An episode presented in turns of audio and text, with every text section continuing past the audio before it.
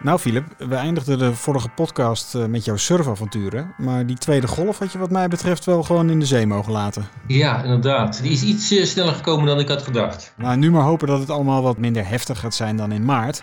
Ook voor de economie. Ja, zeker. Wat dat betreft komt er toch wel wat eh, spannende weken aan. Oeh, daar gaan we het zo over hebben. Welkom bij Rentecast. De podcast van Florius, waarin we met Philip Bokkelo, senior econoom bij het economisch bureau van ABN AMRO, de hypotheekrenteverwachtingen doornemen. Stijgen, dalen, korte termijn, lange termijn, historische perspectieven. Alles komt voorbij om jouw klanten van advies te voorzien of om hun vragen te beantwoorden. De laatste keer dat we elkaar spraken, dat was alweer twee maanden geleden. Ehm, ja, hoe staan we er nu voor? Nou ja, eigenlijk ietsje beter dan gedacht voor sommige landen. Vooral China en Duitsland doen het beter. Uh, de PMI's voor Duitsland en China zijn toch wat beter dan gedacht. Maar er zijn ook heel veel landen waar de, het virus nog niet onder controle is. En uh, daar gaat het eigenlijk slecht. En Nederland uh, behoort daar ook toe. En uh, wat we ook zien is dat er toch ook heel veel vraaguitval is. En door die vraaguitval daalt de inflatie. En als we kijken naar de inflatie op dit moment dalen de prijzen. Terwijl de centrale bank een doelstelling heeft van 2%. Dus de ECB maakt zich daar toch wel zorgen over. En die probeert ook het monetair beleid aan te passen. En te kijken of ze die inflatieverwachtingen naar boven kunnen duwen. Ja. Eh, nou, om een lang verhaal kort te maken, eh, betekent dit dat de, de rente waarschijnlijk voor een hele lange tijd nog wel heel laag kan blijven. Oké. Oké, en wat, wat betekent dit dan allemaal voor, ja, voor financiële markten?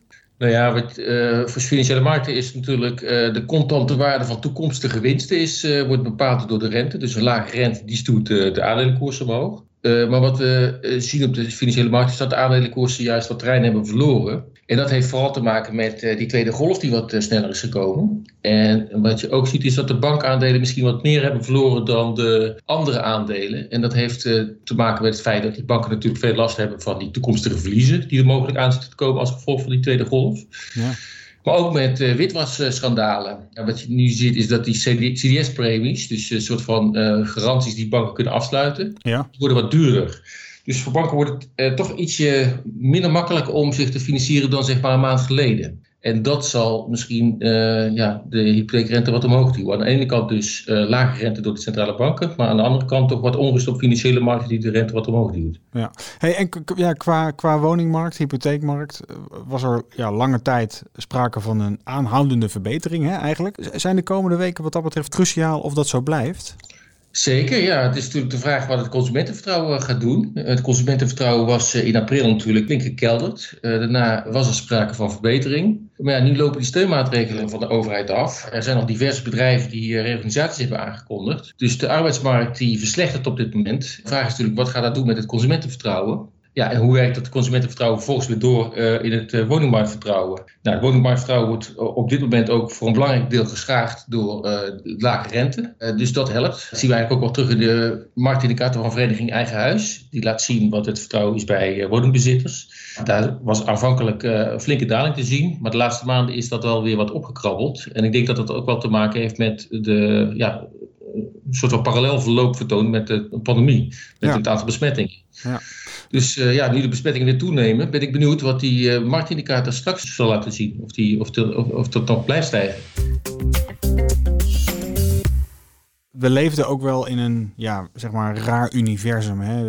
Het was crisis, maar huizenprijzen die stegen maar door, die gingen door het dak en intermediairs hadden het drukker dan ooit. Ja, die hadden het ontzettend druk. En die hadden het ook wel druk met eh, heel veel mensen die hun hypotheek hebben overgesloten. En dat had er ook mee te maken dat aanvankelijk, aan het begin van de crisis, uh, er even sprake was van dat de rente misschien wel zou kunnen gaan stijgen. Dus heel veel mensen hebben besloten om een hypotheek over te sluiten. En toen die verwachting wat naar de achtergrond verdween, taalde die belangstelling. En dat zie je nu terug in de laatste cijfers bijvoorbeeld van de HDN, het aantal hypotheekaanvragen, dat er toch ook wat minder aanvragen zijn voor oversluitingen. Ja. Ik denk dat die drukte iets minder zal worden de komende maanden. Ja, maar goed, de, de, de hamvraag is wel, Gaat corona nu dan toch effect hebben op de woningmarkt en op de hypotheekmarkt? Ja, dan nee. Nou ja, de huismarkt reageert altijd met uh, vertraging op de economie. Dat duurt eventjes. Nou, we houden er in ieder geval rekening mee met dat die centrale banken dus de rente laag houden. De vraag is natuurlijk of dat uh, voldoende is om de rust op financiële markten te bewaken. Als dat zo is, dan uh, zal dat helpen om de rente laag te houden. Maar de overheid heeft natuurlijk ook met Prinsjesdag een aantal steunmaatregelen aangekondigd. die de markt ook wel uh, wat zullen ondersteunen. Waaronder bijvoorbeeld NRG die versoepeld is, de kostengrens is verhoogd, uh, de twee verdieners, de tweede inkomen wat wat waarde meetelt. En ook de studieschuld die wat minder zwaar aangerekend wordt. Dus dat zijn allemaal wel maatregelen die de huizenmarkt uh, zullen blijven steunen. Ja. ja, en de vraag is natuurlijk uh, in hoeverre gaat corona invloed hebben op de woningvoorkeuren. Als we allemaal wat vaker gaan thuiswerken, zoals uh, jij en ik nu uh, doen, willen we dan nog wel in die stad blijven wonen. Dus het effect van corona, ja, dat staat toch in de sterren geschreven wat dat betreft. Maar, maar begrijp ik hieruit dat het misschien wel mogelijk kan zijn dat we uit de steden gaan wegtrekken? Ik denk het niet, maar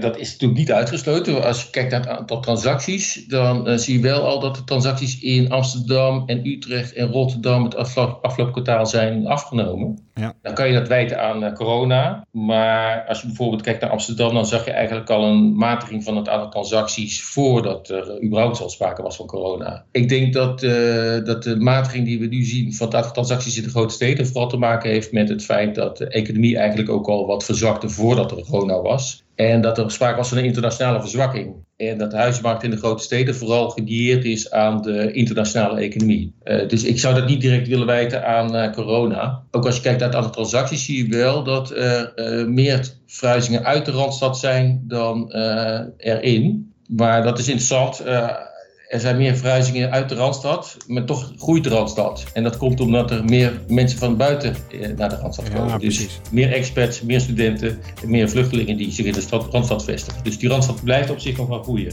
Oké. Okay. Uh, ja, Filip, uh, dank je wel weer voor, uh, voor je inzichten. En ik hoop dat we volgende maand kunnen concluderen dat het een golfje was. Ja, dat hoop ik ook. Dit was Rentecast. Meer weten, ga naar florius.nl slash adviseur slash renteverwachting.